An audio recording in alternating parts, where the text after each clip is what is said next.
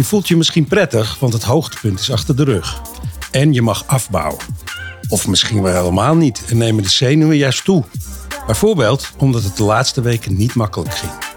Maar dan is hier gelukkig mijn eerste marathon. De podcast die je naar de finish praat.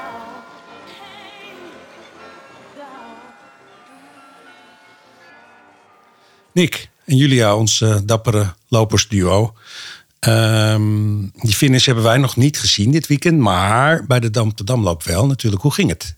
Julia, hoe was het? Goed. Ja, Ja? ik ehm, ging lekker. Ik wilde langzaam, of langzaam, la- eh, lagere hartslag lopen, zoals Florence had aanbevolen. Maar word je toch zo, Zo opgehyped niet, en al die mensen. En, Eh, als je dan eenmaal de uittunnel instort, dan ja, is er geen houden eh, meer aan. Nee, hè? volle bak. Nee, maar was leuk. Ja.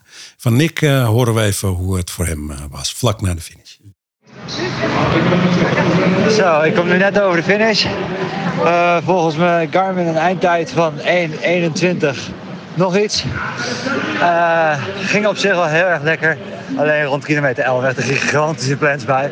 Dus ik ben doorweekt. Maar eh, even kijken wat mijn officiële eindtijd van de wedstrijd zelf is. En Nick, hoe kan jij nou iets over hebben nog aan het eind? Hoe werkt dat bij jou? Ik heb echt geen idee. Ik, eh, ik stond eh, zondag aan de start, eh, voelde me goed. Ehm, en we gingen van start af. en eigenlijk, ja, het, het, ging, zo lekker. Dat, dat, ik had ook helemaal niet door dat ik zo hard liep. Nee. En elke keer kwam ik weer een bekend punt tegen. Waarvan ik, oh, zijn we hier al? Oh, zijn we hier al? Dus dat, Dus je zat eigenlijk toch in dat vreselijk woord in een soort flow tot aan de finish bijna. ja, eigenlijk wel. Ik denk dat het toch een soort eh, wedstrijdspanning die eh, extra energie geeft. Had jij dat ook, Julia?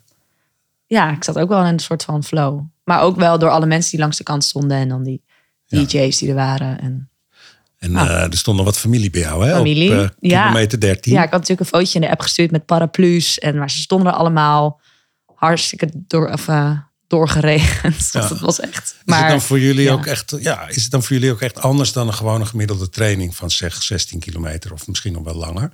Dat het zo'n wedstrijd is? ja, het is wel de hele sfeer. Het voelde wel als een klein trainingsrondje, maar Ja. de sfeer was wel gewoon anders. Ja, Rondje je ook, hè? Rondje ja zo'n trainingsrondje. zo'n niveau zit, zit je nu toch? Florence, is nu. is al heel rondje. lang met ze bezig en krijgt storen een trainingsrondje. Ja, Nou, ja, ja, ja. dat is ook wel goed. Ergens positief. Super. Hey, eh, Julia, je zei in de afloop, nou nu wel zin in de marathon. Hè? Ja, maar ik dat stond, is natuurlijk eh, wel een andere koek hè, dan die 16. Ja, dat besefte ik me wel. Dat ik over de finish kwam en dacht, oh ja, dan moet- ben je nu op een derde of zo. Maar toen ik in het startvak stond, was ik wel echt excited. Ik dacht, over vier weken sta ik hier echt. En dat is ook wel weer heel positief. Ja, Ja. ja. dat start, stadsvak doet toch ook iets met je. Behalve dat het soms heel koud is natuurlijk. Ja, en als nat. het regent en Ja. nat. Maar heel goed. Nou, hoe ging het eigenlijk bij jou, eh, Altan? Ja, goed. Het is eh, natuurlijk eigenlijk eh, een overtreding van mijn eh, eh, trainingsschema. Want het was eh, 2,1 kilometer te lang.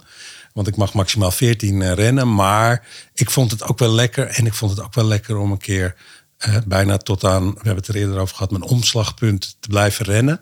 Gewoon een beetje voluit. En eh, ik heb vier minuten van mijn snelste tijd op de Dam te Dam afgerend. Dus ik was er heel blij mee. Heel netjes. Ja, Echt het super. was lekker. En die regen, ik, ik ben gewoon helemaal voor de regen. Maar ook als, het, ook als het zo hard regent? Ja, En jij het was maakt me net al echt niks uit. Ja.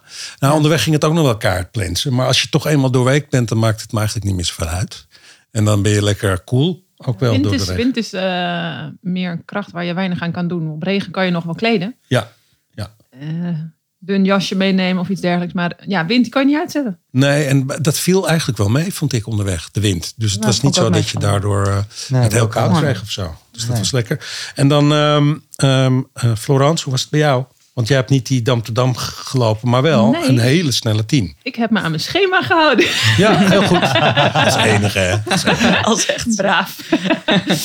ja, ik heb, ik heb heerlijk gelopen. Ik, eh, ik heb natuurlijk ook doorgetraind in de, in de hitte. Merkte ik ook gewoon dat mijn prestaties in die zin omlaag gingen. En daar was ik oké mee. En nu de temperaturen weer eh, lager zijn. Ik heb, ik heb echt heerlijk gelopen. Ik heb een of ander kneuterig loopje in een klein dorpje gelopen. Wat Maar wel 10 georganiseerd was. kilometer onder de 50 minuten. Wat Ja. toch een beetje een wens was van jou, wist ik. Ja, dat, Dus, dat, eh, eh, dat gaf mij gewoon ook ja, moed weer om eh, nou, voor een lekkere tijd straks te gaan. En ik voelde echt wel ook een vibe.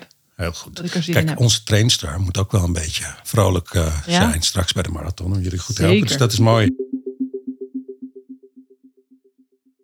Ehm, voor ons, eh, voordat we met ons lopersduo aan de slag gaan om te kijken hoe het allemaal verder gaat en hoe het verder ging de afgelopen tijd, willen we nog even een dankwoord doen voor de sponsoren. Mitsuno en sportorganisatie Le Champion. Van Le Champion is vandaag aanwezig en hij komt er straks bij zitten. De race-directeur René Wit. Hij komt alles vertellen wat je moet weten over de wedstrijddag zelf. Erg belangrijk dus. Denk aan het parcours, eet- en drinkposten, logistieke tips, hoe dan ook. En na al die jaren van organiseren van hardloopevenementen kan hij vast ook nog wel een gouden tip uitdelen voor jouw eerste marathon. We gaan het straks horen. Ook nog in deze aflevering hoe, wat en waarom van taperen. Het afbouwen van je trainingsarbeid in de laatste twee of drie weken van je schema. En eh, dan gaan we uitleggen waarom rustig aandoen eigenlijk je prestatie heel erg ten goede kan eh, komen.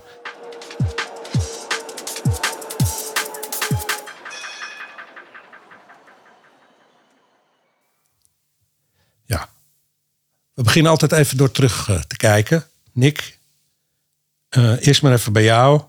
Ehm, als het goed is, heb je onlangs 20 eh, of 20 en een half gelopen.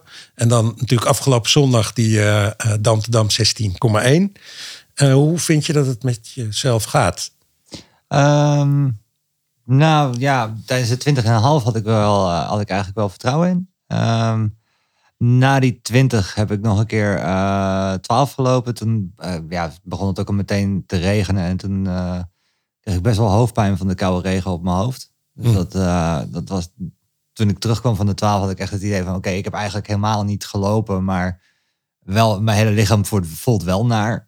Dus Niet- je, niet zozeer- knokken meer dan dat je lekker liep of zo. hè? Ja, maar niet zozeer mijn, mijn, mijn benen, want mijn benen voelen prima. Ehm, alleen echt, echt gewoon hoofdpijn en eh, heel erg veel eh, last van mijn schouder en van, mijn- van mijn elleboog. Mhm. Dus dat was een beetje jammer. Ehm, dus toen had ik weer zoiets van... hmm. En, tij- en na, na de Dam tot Dam loop heb ik weer gewoon eh, volop vertrouwen in. Dat ging gewoon weer heerlijk. Ja. Dus het zal nog even wisselen natuurlijk. Ook misschien omdat je nu eh, eh, weer volop eh, een schema probeert op te pakken. Ja. Florence heeft daar vorige keren eigenlijk al wel een paar dingen over gezegd. Hè, de vraag is eigenlijk of je, of dat is geen vraag, je weet dat je er niet helemaal achter staat dat je het nu op die hele marathon gaat doen met deze voorbereiding. Hè? We blijven natuurlijk wel in de gaten houden. En we houden Nick er, er hartstikke bij. Ehm, wat denk je als je dit nu hoort, dat het zo wisselt bij hem? Ja, dat, dat verbaast mij niet. Ik bedoel, eh, je zegt dat je er niet helemaal... Nou, draai het maar om. ik kan als trainer daar niet achter staan op zo'n aanpak... om dan gezond en verantwoord die marathon te lopen. Wat ik wel heel mooi vind, is dat je wel, als je zo gaat lopen... dat je ervaart wat er gebeurt tijdens je lopen. Dat je zegt, ja, een beetje een pijntje hier of een dingetje daar. Of tijdens de damloop, het ging juist hartstikke lekker. Dus je hebt wel dat gevoel met je eigen lijf. Dus dat is het allerbelangrijkste. Ook straks als je gewoon lekker van start gaat, toch op die eh, marathon, dat je daar naar blijft luisteren. En dat vind ik wel belangrijk dat je dat, dat hebt. En ehm, ja, ik vind het ook leuk om te horen dat je gewoon blij bent hoe je die, eh, hoe je die damloop eh, hebt gelopen. Ik weet niet of je een plannetje van tevoren had eigenlijk.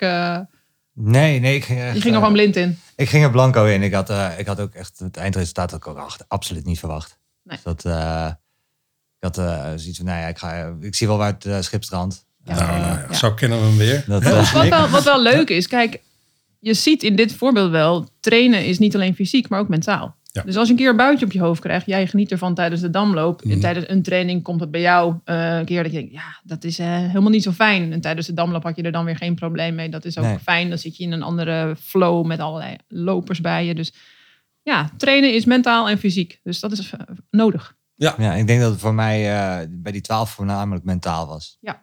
Eh, Nou, wat heel erg bij eh, onze Julia past, is dat ze een beetje weggaat. Of hoe lang? Ik weet Klopt. eigenlijk niet eens precies. Ja, nee, ehm, vijf dagen. Naar Napoli. tot ja, klopt. Geen, eh, geen schema-stress daardoor, want je denkt Ehm, gewoon, ik doe het dan even niet. Nou, beetje, beetje wel. Ik, heb wel. ik neem wel mijn schoenen mee. Dit keer ehm, in mijn handbagage natuurlijk, in plaats van in mijn rijbagage. Dat is geleerd. Ja.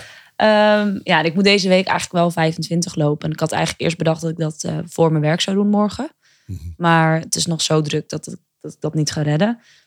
Dus het is een beetje puzzelen, want ik wil hem eigenlijk nog wel lopen. Maar ja, dat zullen we misschien straks ook wel over hebben met het Ja, taperen of, Of het verstandig is. valt met... eh, Maar op zich moet ik zeggen dat ehm, mijn schema-test wel aardig... ehm, ja, ik heb echt het gevoel, ik heb die 30 gelopen en kan de wereld aan. Dus Volgens mij heb je er echt Ja. vertrouwen in. Ja. Dat, zo heb ik het de laatste paar keer ook gehoord. Dat is mooi. Heb jij er zelfvertrouwen in, eh Florence? Voor jou Nou, zelf? naar, naar die 10 mijn, naar kilometer mijn race. En als ik naar mijn schema kijk, eh, heb ik er zeker vertrouwen in. Het gaat, eh, het gaat lekker. Ik heb, er, ik heb er lol in. Dat vind ik heel belangrijk. Ehm, Ja. ja. nee, dat vertrouwen zit wel goed. Ik volg gewoon de aanpak. Dat werkt voor mij ook wel heel fijn. Misschien is het een vrouwending, geen idee. Hmm. Maar eh, ik ben ook wel benieuwd bij jou. Jij zegt, eh, ja, ik, heb, eh, ik mag maximaal 14. Ik natuurlijk ook. Ik heb er 16 gedaan. Laatst had je die halve uitgeprobeerd. Hoe, hoe- ga- ga je de rest van je schema vasthouden? Of heb je nog meer uitprobeersels die jij nodig Nou, hebt? ik, ik heb nu bedacht dat ik de laatste week voor het taperen, waar we het straks over gaan hebben, wel even heel netjes op die hartslag ga letten. Ja. En me ook gewoon aan de, aan de afstanden ga houden. Er is zelfs een bijeenkomstje binnenkort waar we 14 kilometer met een groepje gaan lopen. En dan krijgen we ook nog wat tips mee over hoe dat dan allemaal eh, gaat. En ook eh, richting de marathon. Dus ik ga nu weer heel netjes. Leuk. Dus even in overtreding. En ik heb er op de een of andere manier vertrouwen in. Je hebt het net over het feit dat het een eh, combinatie van mentaal en fysiek is. En ik denk, dat klinkt heel arrogant, dat het mentaal wel oké zit. En dat ik die laatste kilometers ook wel doorkom. We maken natuurlijk ook wat grappen over overtreding en dergelijke. En dat, dat is dus ook leuk. Wat past bij je qua aanpak? We hebben allemaal een vorm van een schema. En ja, daarbinnen ga je kijken wat werkt voor mij. En voor jou is dit natuurlijk ook leuk. In je hometown en, eh, en ik, moet, ik moet ook eh, gewoon met mijn werk rekening houden. Dus Ja. ik kon die lange afstanden bijna niet plannen. Dus het was voor mij ook een soort must. En eh, ik heb er heel veel zin in. Leuk, ja, het is te zien. dat zie ik. Ja, de luisteraars Ja. niet, maar Nee. we zitten hier allemaal wel glimmend Ja. van eh, trots. mij Dus, hebben we er allemaal zin in. zeker.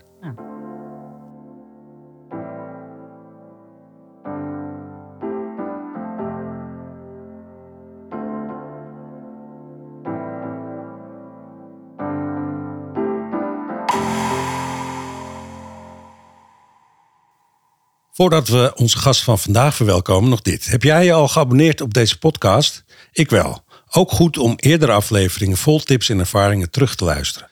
Ik zou het zeker even doen. Dan verwelkomen we René Wit, de race-directeur die we ook in aflevering 1 al eh, te gast hadden. Toen vertelde je vooral over de historie en het bijzondere karakter van eh, de marathon in Amsterdam. Vandaag willen we zoveel mogelijk weten over de wedstrijddag zelf en eh, alles wat daarbij komt kijken. Het is veel informatie, maar heel nuttig. Dus we gaan er doorheen. Ehm, zou je ook kunnen zeggen, weet je wat, vergeet al die informatie maar en laat het gewoon over je heen komen? Of is dat niet verstandig? Nou, ik zou dat toch niet doen. Eh, ook in die laatste fase in voorbereiding op eh, de dag van de wedstrijd.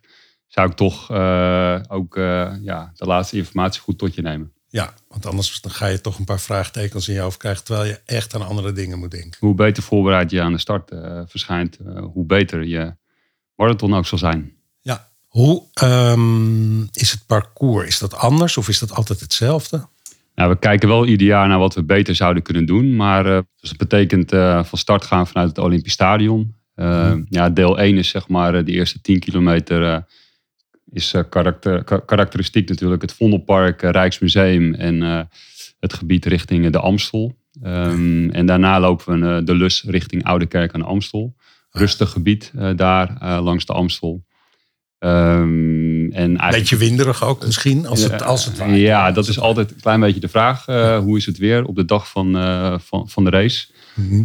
De wind kan daar wat invloed hebben. Ehm, dat gaan we zien, pas later. Ehm, en deel 3, het laatste gedeelte, is eigenlijk het, met name het gedeelte wat eh, weer terug is eh, richting het Olympisch Stadion. Stadhouderskade zit erin, eh Vondelpark zit erin. En een mooie finish eh, bij het Olympisch Stadion. Wat grappig is, ik heb alleen nog maar de half gedaan. Dit wordt mijn eerste hele. En Ja. ik wist niet dat je op de heenweg ook door het Vondelpark komt. Ja. Want ik ken van de half alleen maar op eh, richting stadion naar de Amstelveense weg, het Vondelpark. Maar op de heenweg hebben we hem dus ook. Ja, twee keer Loop je Vondelpark. dan anders? Een andere lus of zo? Het is dezelfde lus, hetzelfde stukje. ehm, maar eh, de mensen die op de heenweg zijn eh, gelopen door het Vondelpark... zijn op jouw terugweg al daar voorbij. Dus Ah, eh, het is een heen-weer Ah, ja. stuk. Ja. Ja.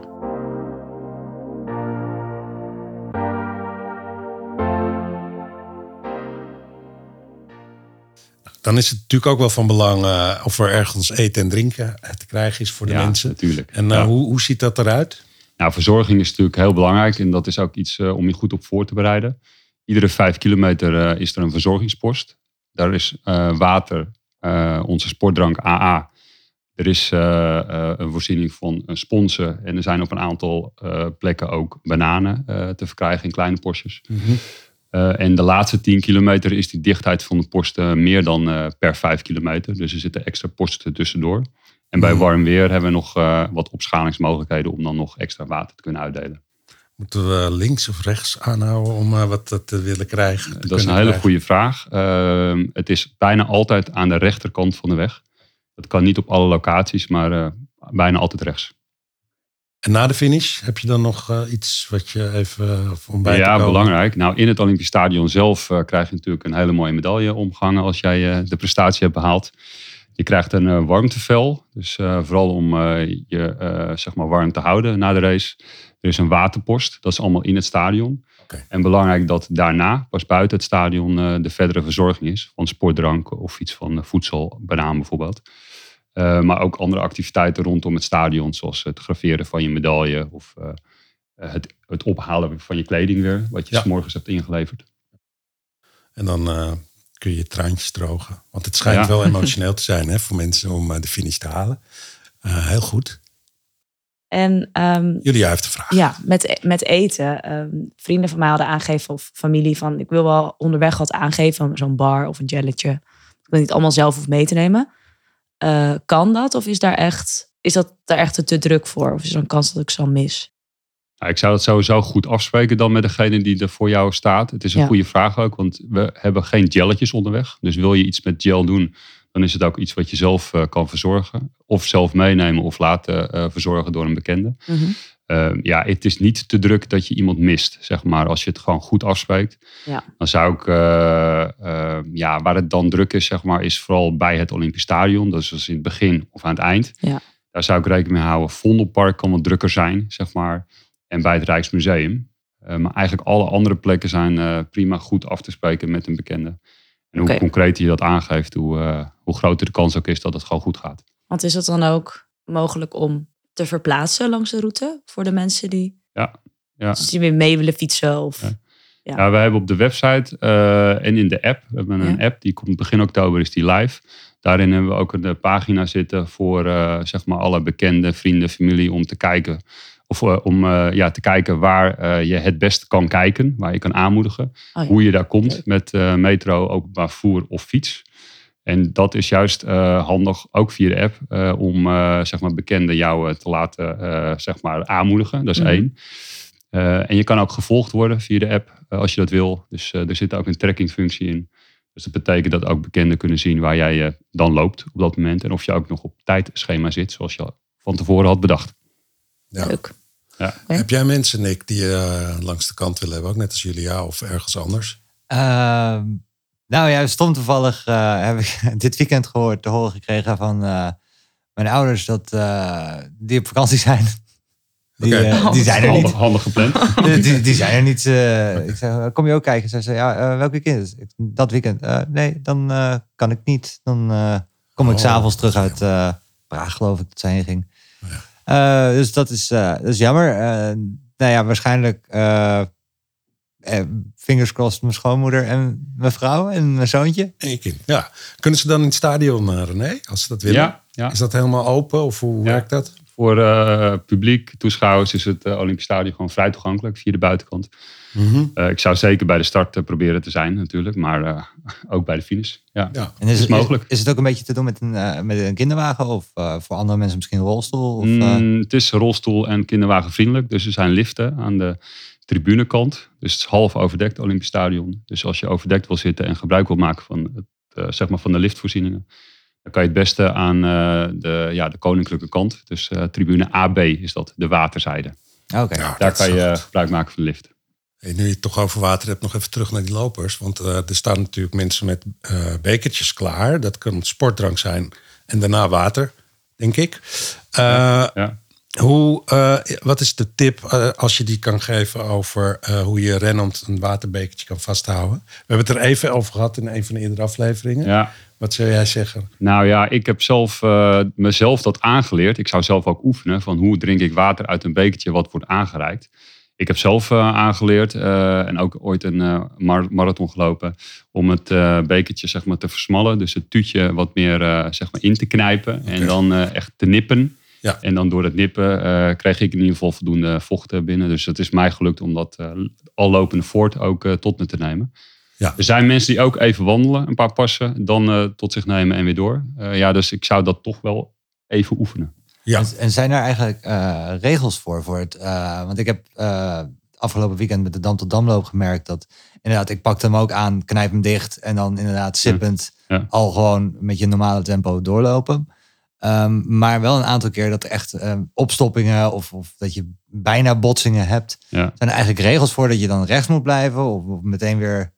Nou, in algemeenheid op het parcours is het eh, links inhalen en rechts, eh, dus Mhm. zoveel mogelijk rechts lopen, links inhalen. Bij een post ja, is het niet een soort regel, zeg maar. Het is vooral goed om elkaar denken. De posten bij de marathon zijn langer opgezet, dus meer lengte, zeg maar. Eh, en ik zou ook niet eh, meteen bij de eerste eh, zeg maar, vrijwilliger proberen je drinken daar te, te pakken. Je kan best even ietsje verder in de post ook je voorziening pakken. En daar is vaak meer ruimte. Dus de drukte zit vooral in het eerste deel van de post. Nou, al dat water moeten we ook weer kwijt. Vooral de dames. Ja. voor dames is dat Ja, van dat belang. is Hoe is dat een- met sanitaire stop? Dat is altijd een dingetje, zeg Ja. maar. Ja. Ja, ik kan me voorstellen. Nou, er zijn eh, natuurlijk voldoende eh, dicties en eh, urinoirs voor de mannen en dicties voor mannen en vrouwen. Maar natuurlijk niet om dat op elke plek langs het parcours te kunnen voorzien zonder een enkele wachtrij. Dus in verwachtingen is het denk ik goed om met elkaar te delen dat je moet instellen op dat je misschien even moet wachten. Ehm, rondom het stadion en ook in het stadion bij de start zijn toiletvoorzieningen. Ehm, maar ook onderweg bij iedere verzorgingspost. Zoals we net ook besproken hadden met de eh, verzorging van eten en drinken, is er ook eh, voorzieningen van eh, toilet. Ja. Eh, dus dat is een Top. dictie. eh, en dat is eh, eh, zeg maar plaskruis, urinaar. Wel handig misschien om eh, wat papieren zakdoekjes of Ja. andere dingen mee te Ja. nemen zelf. Want dat hangt daar natuurlijk weer niet. Ik Nou ja, kan me voorstellen op- dat het wij, eh, snel op is. het hoort wel zo te zijn dat het in elke eh, dictie voorzien is. Eh, maar ja, eh, als dat te snel gaat en we hebben dat niet eh, tijdig voorzien, dan eh, zou je iets mee kunnen nemen. Ja. Ja. Maar in principe moeten we dat gewoon voorzien hoor. Goed om te weten. We gaan eh, even naar de startvakken. En eh, volgens mij hebben Nick en Julia er ook wat vragen over. Ehm, heeft het zin om al uren van tevoren aanwezig te zijn? Wat denk je? De start van de hele marathon is om 9 uur. Dus het is eigenlijk al best vroeg Dat is best vroeg. op Ja. dag. En dat eh, betekent dat je voor je eh, start eh, je kledingtas eh, wil achterlaten, lijkt mij. Ehm, en dat je dan, eh, dat doe je dus bij het Olympisch Stadion. Aan de zuidkant van het Olympisch Stadion, op weg naar de start eh, van het Olympisch Stadion. Dat gaat, eh, ja, dat zou ik dan ongeveer rond eh 8 uur doen, kwart voor acht, 8 uur.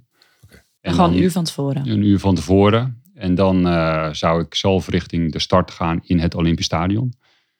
Eh, de deelnemers zijn allemaal ingedeeld op eh, de te verwachte eindtijd. En eh, dat correspondeert met een bepaalde kleur Mhm. van het startvak. En dat betekent dat je ook met allemaal gelijkgestemden in je startvak staat. Dat is anders dan bijvoorbeeld met de Dam te Damloop. Daar is het ingedeeld op bedrijventeams. Maar dit is ingedeeld op eindtijd. Dus dat betekent dat er eh, minder, eh, dat het eigenlijk heel eh, zo, zo, zo min mogelijk onrustig on- onderweg is. Dus je wordt dan eigenlijk, loop je met ja, je, je soort eh, genoten die dezelfde eindtijd willen lopen. En zijn er dan mensen zoals hazen? Ik weet niet of dat het goede woord is voor de Ja, pacers, hazen. Misschien ja, een beter Daar woord. hebben we een keertje eerder over gehad ook. Ja. Belangrijke groep mensen die ook voor recreatieve lopers in de vakken staan. herkenbaar zijn met hun vlag en hun te verwachte eindtijd.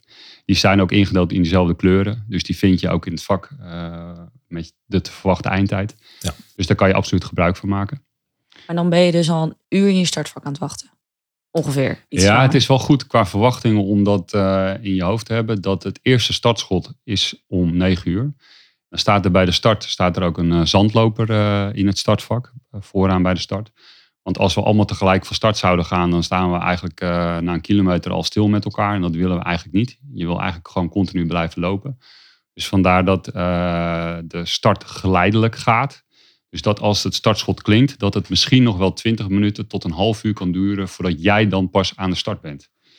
Oh, Eh, maar er is Ja. voldoende ruimte in je startvak om warm te blijven of te bewegen. Ja. Dus het is meer zeg maar dat je je instelt op dat het bij de start wat langer duurt in het Olympisch Stadion. Dan dat je daar koud wordt of afkoelt. Ja, precies. Ik kan me voorstellen dat je wel bijvoorbeeld een eh, jasje of een poncho of iets eh, meeneemt om eh, warm te blijven eh, in het startvak.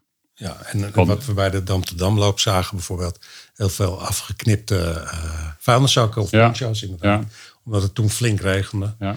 Het kan ook een oude trui zijn bij wijze van Kan een oude trui denkt, daar- maar het wordt wel afval dan daarna. Hè? Ja, dat klopt. De kleding die je wil bewaren en eh, die van waarde is, eh, die zou ik gewoon inleveren bij de kledinginname eh, buiten het stadion. En een oude trui, een poncho, een afgeknipte plastic tas eh, of zak eh, kan je meenemen in het stadion. En dat zien wij dan daarna wel als afval. Ja. Of je neemt het mee, zeg maar, eh, onderweg en je geeft het aan een bekende die je dan eh, ergens hebt staan. Dat is ook een eh, manier om da- dat te doen. Ja. Liever geen afval op straat. Dat, eh, Dat is natuurlijk in alle tijden een beetje voorkomen. dat proberen we zo goed mogelijk te regelen. Zoveel duizend mensen eh, is het natuurlijk al knap als er zo weinig mogelijk afval overblijft. Ja. Dat is ook mooi.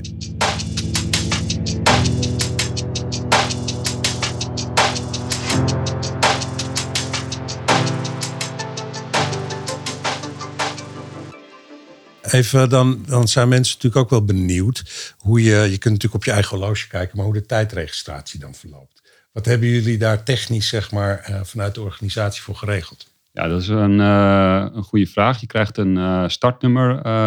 die krijg je niet thuisgestuurd, maar die haal je op op de Marathon Expo. Dat is in Sporthalle Zuid.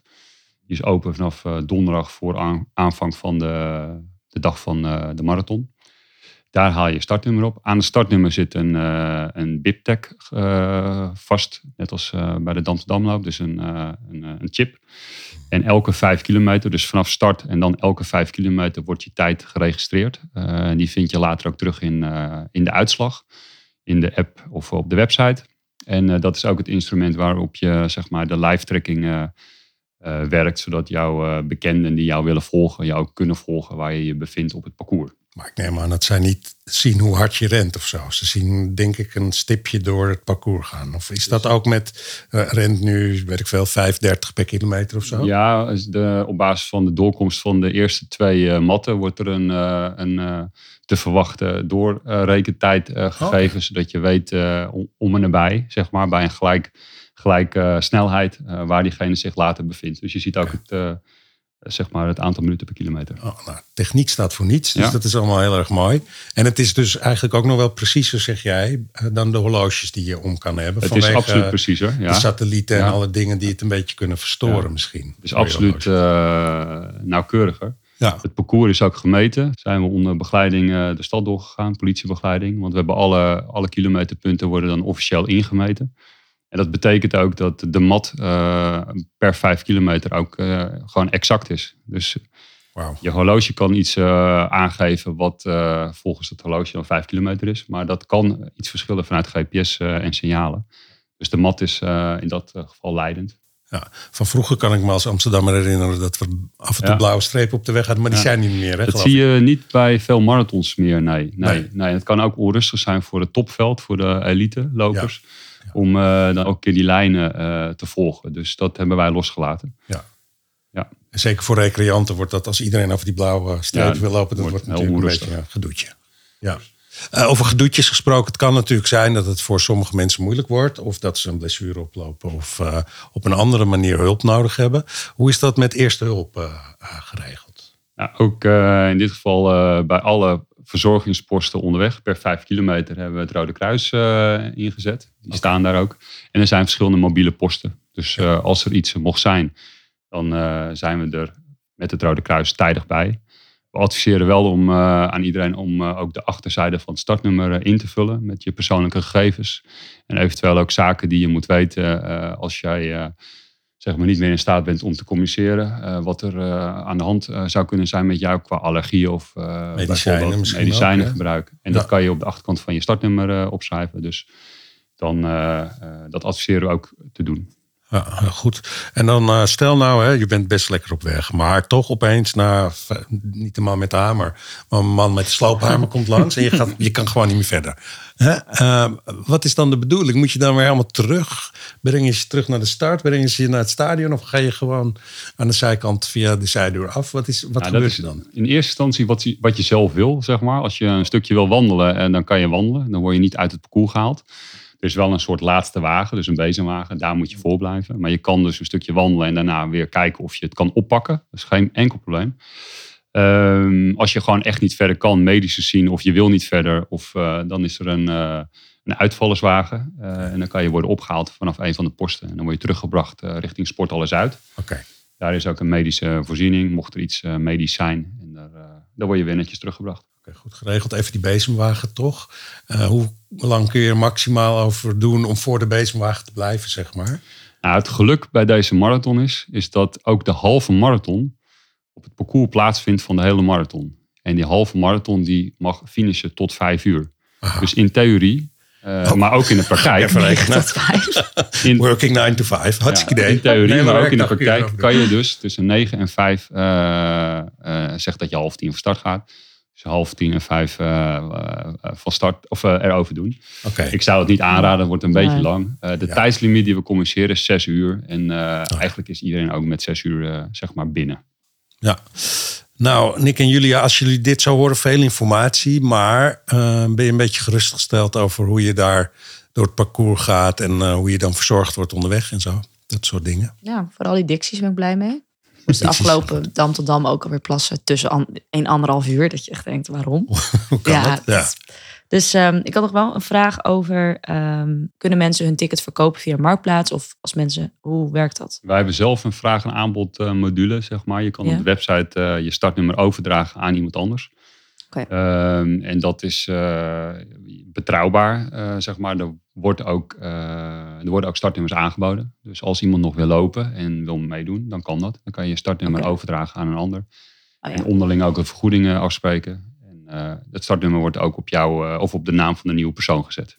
Oh, Dus nog, dan loop je nog met de goede naam ook Ja. op je buik. Ja. Waar je hem Oh. ook eh, Ja. plaats speelt. van- Ja, en ook in de uitslag. Oké. Dat is mooi.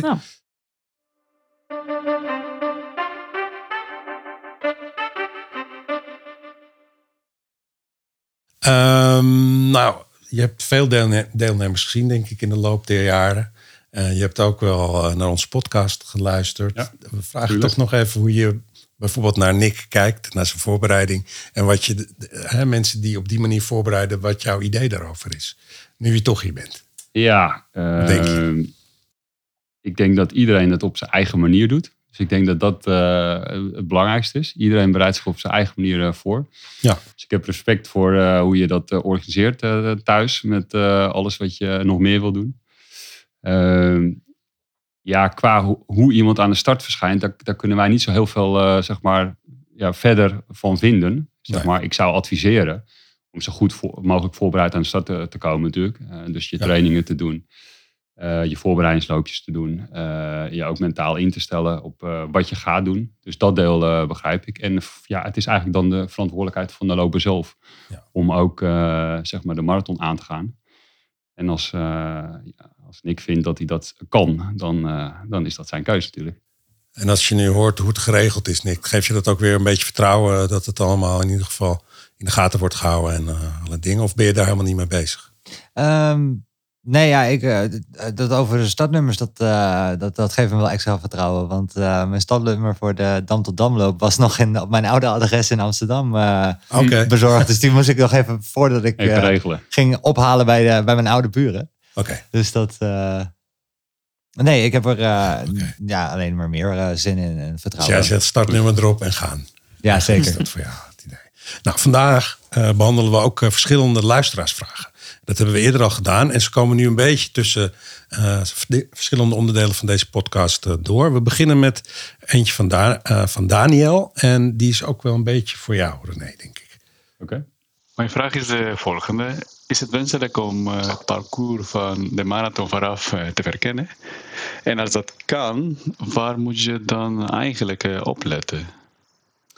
Ja, goede vraag. Ehm, Ja, persoonlijk zou ik dat wel doen, denk ik. Zeg maar. Ik zou zeker kijken eh, op de website hoe het parcours eruit ziet natuurlijk. Eh, van wat kan ik verwachten onderweg.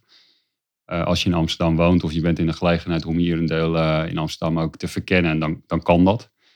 Ik denk niet dat het noodzakelijk is voor het lopen van, een, van, een, van een, een eindtijd die je in je hoofd hebt. Dus ik denk niet dat het moet, zeg maar. Meer, Persoonlijk zou ik het denk ik wel doen als je in de gelegenheid bent. Omdat het leuk is om een deel te verkennen.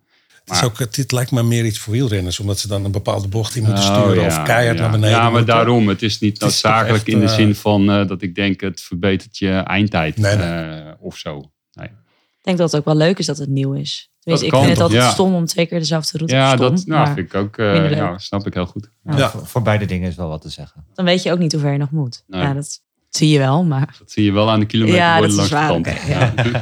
Nou, bedankt Daniel voor deze leuke vraag. Nou René, het was heel veel informatie. En goede informatie, heel eh, praktisch ook. En daar zijn we ontzettend blij mee. Dankjewel dat je hier was en dat je ons op die manier hebt kunnen voorbereiden. Voor mensen eh, die luisteren, ook goed om het af en toe nog even terug te luisteren. Zeker als je toch nog een vraag hebt over een onderdeel. Want volgens mij hebben wij heel veel behandeld. Bedankt daarvoor. ja, graag gedaan.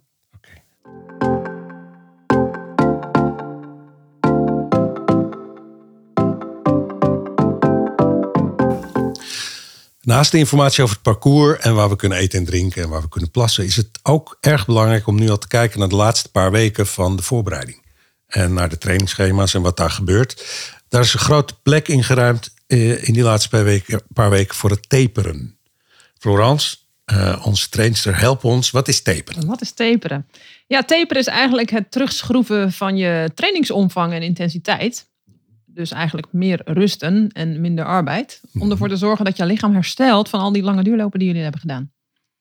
Ja, En vanaf wanneer moet je dat een beetje doen? Ongeveer? Nou, we hebben het over de marathon. Als je, als je voorbereidt voor een 10 kilometer, is die, eh, die taperperiode veel korter. Maar als we het natuurlijk hebben over de marathon, dan mag je uitgaan van twee tot drie weken. En ehm, hoeveel minder wordt dat dan? Ja, dus Training, arbeid. Het is zo dat, ste- stel je bouwt in die laatste drie weken af, dan schroef je de trainingsomvang niet in één keer eh, eh, rigoureus terug. Dus per week bouw je dat stukje bij beetje af. En ongeveer kan je stellen dat je per week zo'n 20 tot 25 procent van je omvang van totaal aantal kilometers terugschroeft. Dus ja, de laatste week voor die periode loop je, lopen de meesten nog een, een duurloop van 30 tot 32. Mhm. Dus dat betekent dat je er 25% van afhoudt. Nou, eh, voor de rekenaars, waar kom je op uit? ik ben niet zo goed in rekenen, maar het is echt tussen de 20 en Oké. 25 eh, kilometer kom je dan uit. Ja. Ehm, langzaam laat je je lijf dus wennen aan minder omvang. Die tweede week bouw je nog verder af. Ja. Je gaat dan ook geen in- zware intervallen meer doen, geen zware krachttraining meer in die tweede week. Dan ga je ook niet meer de, kracht, de sportschool bezoeken om onwijs eh krachtopbouw te doen. Dat heeft namelijk geen zin. Daar breek Nee. je meer mee af dan dat je lief is. Ehm, dus die tweede week schroef je ook weer 20, 25 procent terug. En die laatste week, ja, dan, dan doe je echt weinig. Ja. Dus je doet nog een herstelloopje. Die eh, halverwege de week doe je nog maximaal eh, zeg maar 5 kilometer. En dat is wennen. Ja, Nu kijken we er ergens naar uit, maar die laatste week dan, dan trappen de meesten in één grote valkuil. ja, ik ben vooral benieuwd in dat opzicht naar wat Julia daarna van denkt. Mhm. We hebben het wel eens gehad, meer voor de grap hoor, over schema stress. En Ja. dat je het heel belangrijk vond om echt te doen wat je moest doen. Mhm. Vind je het dan niet eng om straks los te laten dat je in dat schema zit en opeens eh, weinig hoeft te doen? Ehm, nee, eigenlijk vind ik het ook wel lekker. Ook qua tijd. En vooral omdat ik merk, omdat ik na lange duurlopen gewoon wel wat hersteltijd nodig heb. Dat ik denk, oh, het is wel even wat minder. En en met aanloop naar de marathon vind ik het eigenlijk wel relaxed. En je Ja, bent niet bang om eh, conditie kwijt te raken. Of, eh, Nee, want ik denk dat ik zo'n lange sneller. periode zo zo'n goede basis heb gelegd. Dat dat niet ineens binnen twee weken of drie weken weg is. nou, is dat ook ik. zo, eh, Florence? Ja. Want hoe lang duurt dat eigenlijk voordat je wat je opbouwt ook weer Ja. echt kwijt zou kunnen raken? Nou, op het, om, het, om op het eerste in te gaan. Het betekent ook niet dat je helemaal niks meer doet die laatste drie weken. En het is onderdeel van het schema om terug te schroeven. Dus dat, dat je dat weet, geeft natuurlijk ook alweer rust. Ehm, dus, maar meeste mensen trappen in de valkuil dat ze dan toch dan, ja, ik doe te weinig, straks kan ik het straks niet meer. En dan gaan ze Mhm. toch weer compenseren en meer doen. Dat is de valkuil. Je conditie verlies je niet zomaar. Dat duurt minstens een aantal weken, maar dan heb je het echt over inactiviteit. Dus gewoon echt vijf weken echt niks doen. Maar Ah. dat doe je niet in de taperperiode. Nee. Want je bent nog wel actief. Want wat ik wel hoor af en toe is dat je spieren, ik zeg het even in mijn eigen woorden, een beetje op spanning moeten blijven af en toe. Ja, Dus dat, is, dat zijn die korte loopjes dan, of die Ja. noem jij meer herstelloopjes achter. nou, je, je schroeft ook die omvang terug. En in die laatste week mag je echt nog wel eh, rustig vijf kilometer lopen. Ehm, in die, die, tweede, die tweede week ervoor, zeg maar, kan je ook prima wat specifieker gaan trainen. En daarmee bedoel ik dat als je nog een, een duurloopje van tot 15 kilometer in die tweede week nog doet, mag je daar best steeds blokjes van vijf minuten even op dat marathontempo. En wat dat betekent, dat je ook, ja, je prept je soort mentaal van, hé hey, ja, dit ga ik straks ook lopen, dit tempo. Eh, je maakt het veel specifieker, daardoor krijg je er ook meer vertrouwen in.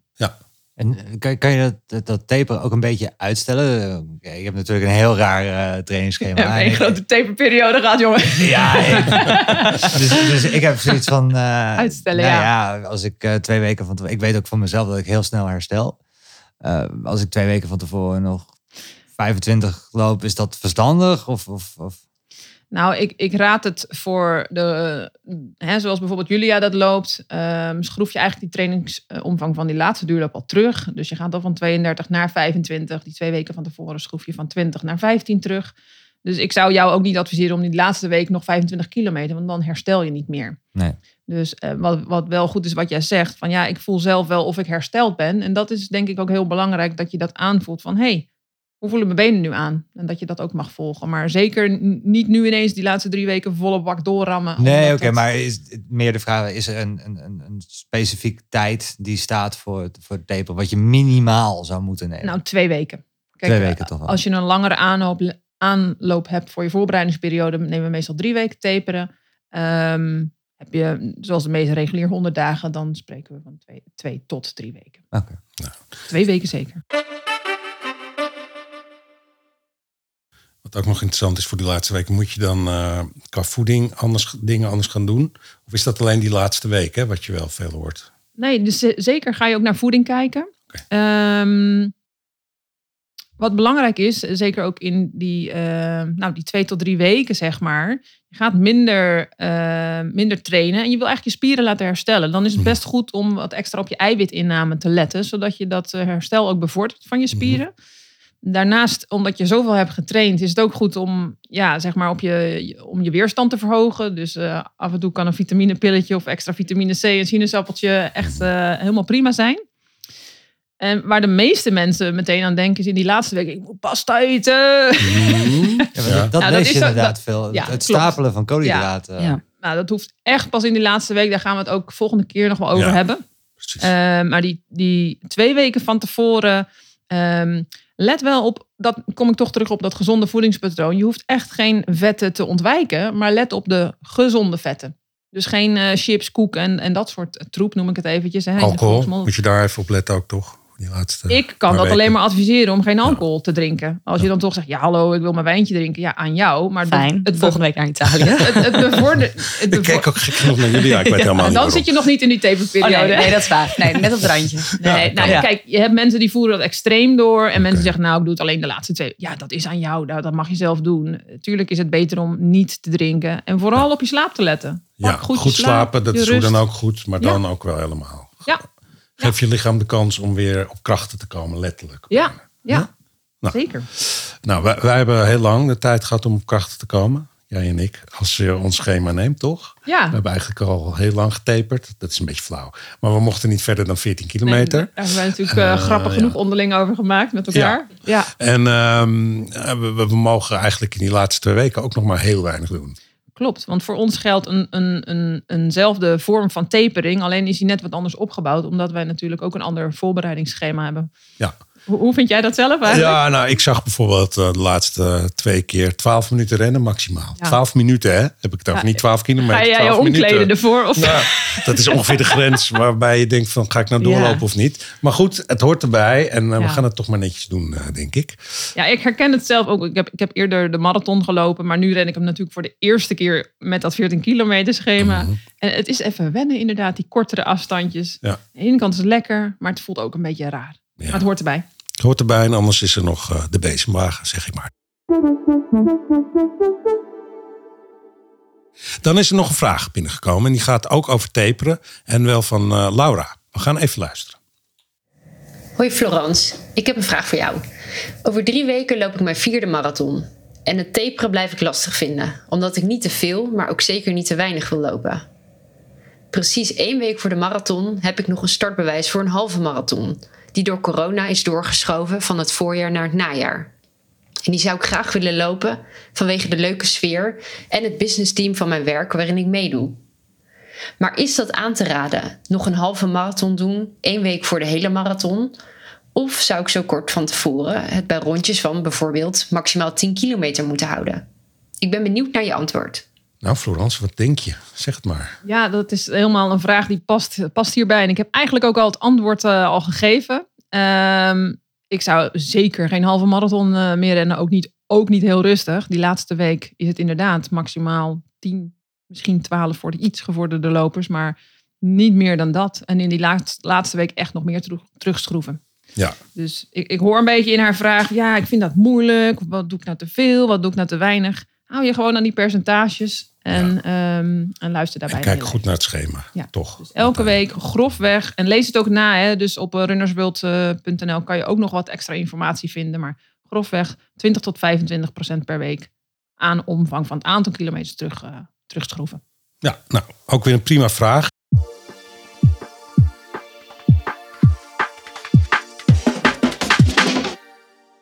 Nou, we kijken zoals altijd ook uh, weer even vooruit. Het wordt nu spannend omdat het echt heel erg dichtbij uh, komt. Ik ga even naar Nick. Um, je wilde het afbouwen nog iets uitstellen. Hè? Ga je toch nog een lange afstandtest uh, doen? ja, zeker. Dat is wel mijn bedoeling. om deze week in ieder geval nog ja, richting de 30, 32 te proberen. Om echt okay. te kijken wat het goed voelt. Ja, en dan ben je niet bang dat je toch nog met stramme beentjes aan de start verschijnt. Mm, Nee, nee, nee. We, we, hebben natuurlijk nog even en vanaf twee ja. weken. Uh... En dan ga je ook echt de laatste twee weken ga je dan uh, vooral rustig aan doen. Dat is het idee. Ja, rustiger aandoen. Kijk, ik heb natuurlijk niet zoveel trainingskilometers in de benen als jullie. Uh, nee. Dus dat moet goed komen. Nou, dat horen we vaak van je en dat geloven we. Julia, lang, de langste eigenlijk moet nog komen voor jou, of niet? Zie ik dat verkeerd? Of heb je de langste nee, nu achter de, de rug? Ja, ik moest eigenlijk nog een 32 lopen, maar dat is niet, uh, niet gedaan uiteindelijk. Okay, Door de Dam te Damloop ook. Dus nu moet ik deze week nog eigenlijk 25, maar zoals ik al zei, ik ga natuurlijk uh, weer lekker op vakantie. Ja. Dus ik moet even kijken of ik die nog ga lopen of dat ik volgende week loop of toch 20. Ja, het is een beetje puzzelen nog, maar ja. ik zei net ook al, ik denk als het om die 25 hangt, dan is mijn hele voorbereiding niet goed geweest. Dus ik denk dat dat wel uh, ja. mee gaat vallen. Ja. Vind je het nu ook wel spannend worden? Hoe is dat bij jullie allebei? Ik heb er vooral veel. Ik vond het spannend. Oh, dat ja. ik dacht van, gaat mijn lichaam het wel aankunnen? Maar nu denk ik, ja. Ik vind het alsnog spannend, maar ik heb er wel heel veel zin in. Klinkt wel gewoon vertrouwenwekkend ja. voor jezelf. Ja. Jij ook, Nick. Jij bent hoe dan ook vol vertrouwen, toch? Ja, nou ja, ik heb, ik heb er ook gewoon enorm veel zin in. Uh, Zo is het. Ja. Uh, ik denk als we deze vraag over een week van tevoren nog stellen, dan gaat dat echt wel een ander antwoord zijn. Dan komt er een soort ja, gezonde wedstrijdspanning. Dat is zo'n en, tussenweek, ook in die oh ja. taperperiode. Oh ja, afbouwen, afbouwen. En dan die tweede week doe je nog minder. En dan ja, zit je precies tussen die afbouw en die wedstrijdspanning en de vibe in. Het, is allemaal, het hoort er allemaal bij, maar het is ook echt heel leuk. Ik ben heel benieuwd hoe jullie dat zelf ervaren. Nou, gelukkig hebben we ja. nog uh, één aflevering in ieder geval voor de marathon uh, te gaan. Dus dan kijken we vooruit naar die aflevering. Uh, dat is aflevering 11. de laatste dus voor de wedstrijd. En dan gaat het echt naar de voorbereiding in de laatste week. Dus hoe zit dat nou? We hebben het er net even over gehad met koolhydraten stapelen. Bijvoorbeeld. Moet je echt de hele week vroeg naar bed. Uh, hoe laat sta je op op de dag van de wedstrijd? We hebben net al een beetje begrepen dat we vrij vroeg aan de start uh, moeten verschijnen. Uh, het mentale aspect komt natuurlijk ook aan de orde. Hoe hou je de zenuwen die je al dan niet hebt onder controle? En nou, het is een onmisbare aflevering, ook weer, volgende keer. bedankt alle drie en ook René voor jullie komst hier naartoe weer. Dan. Ja. Ja.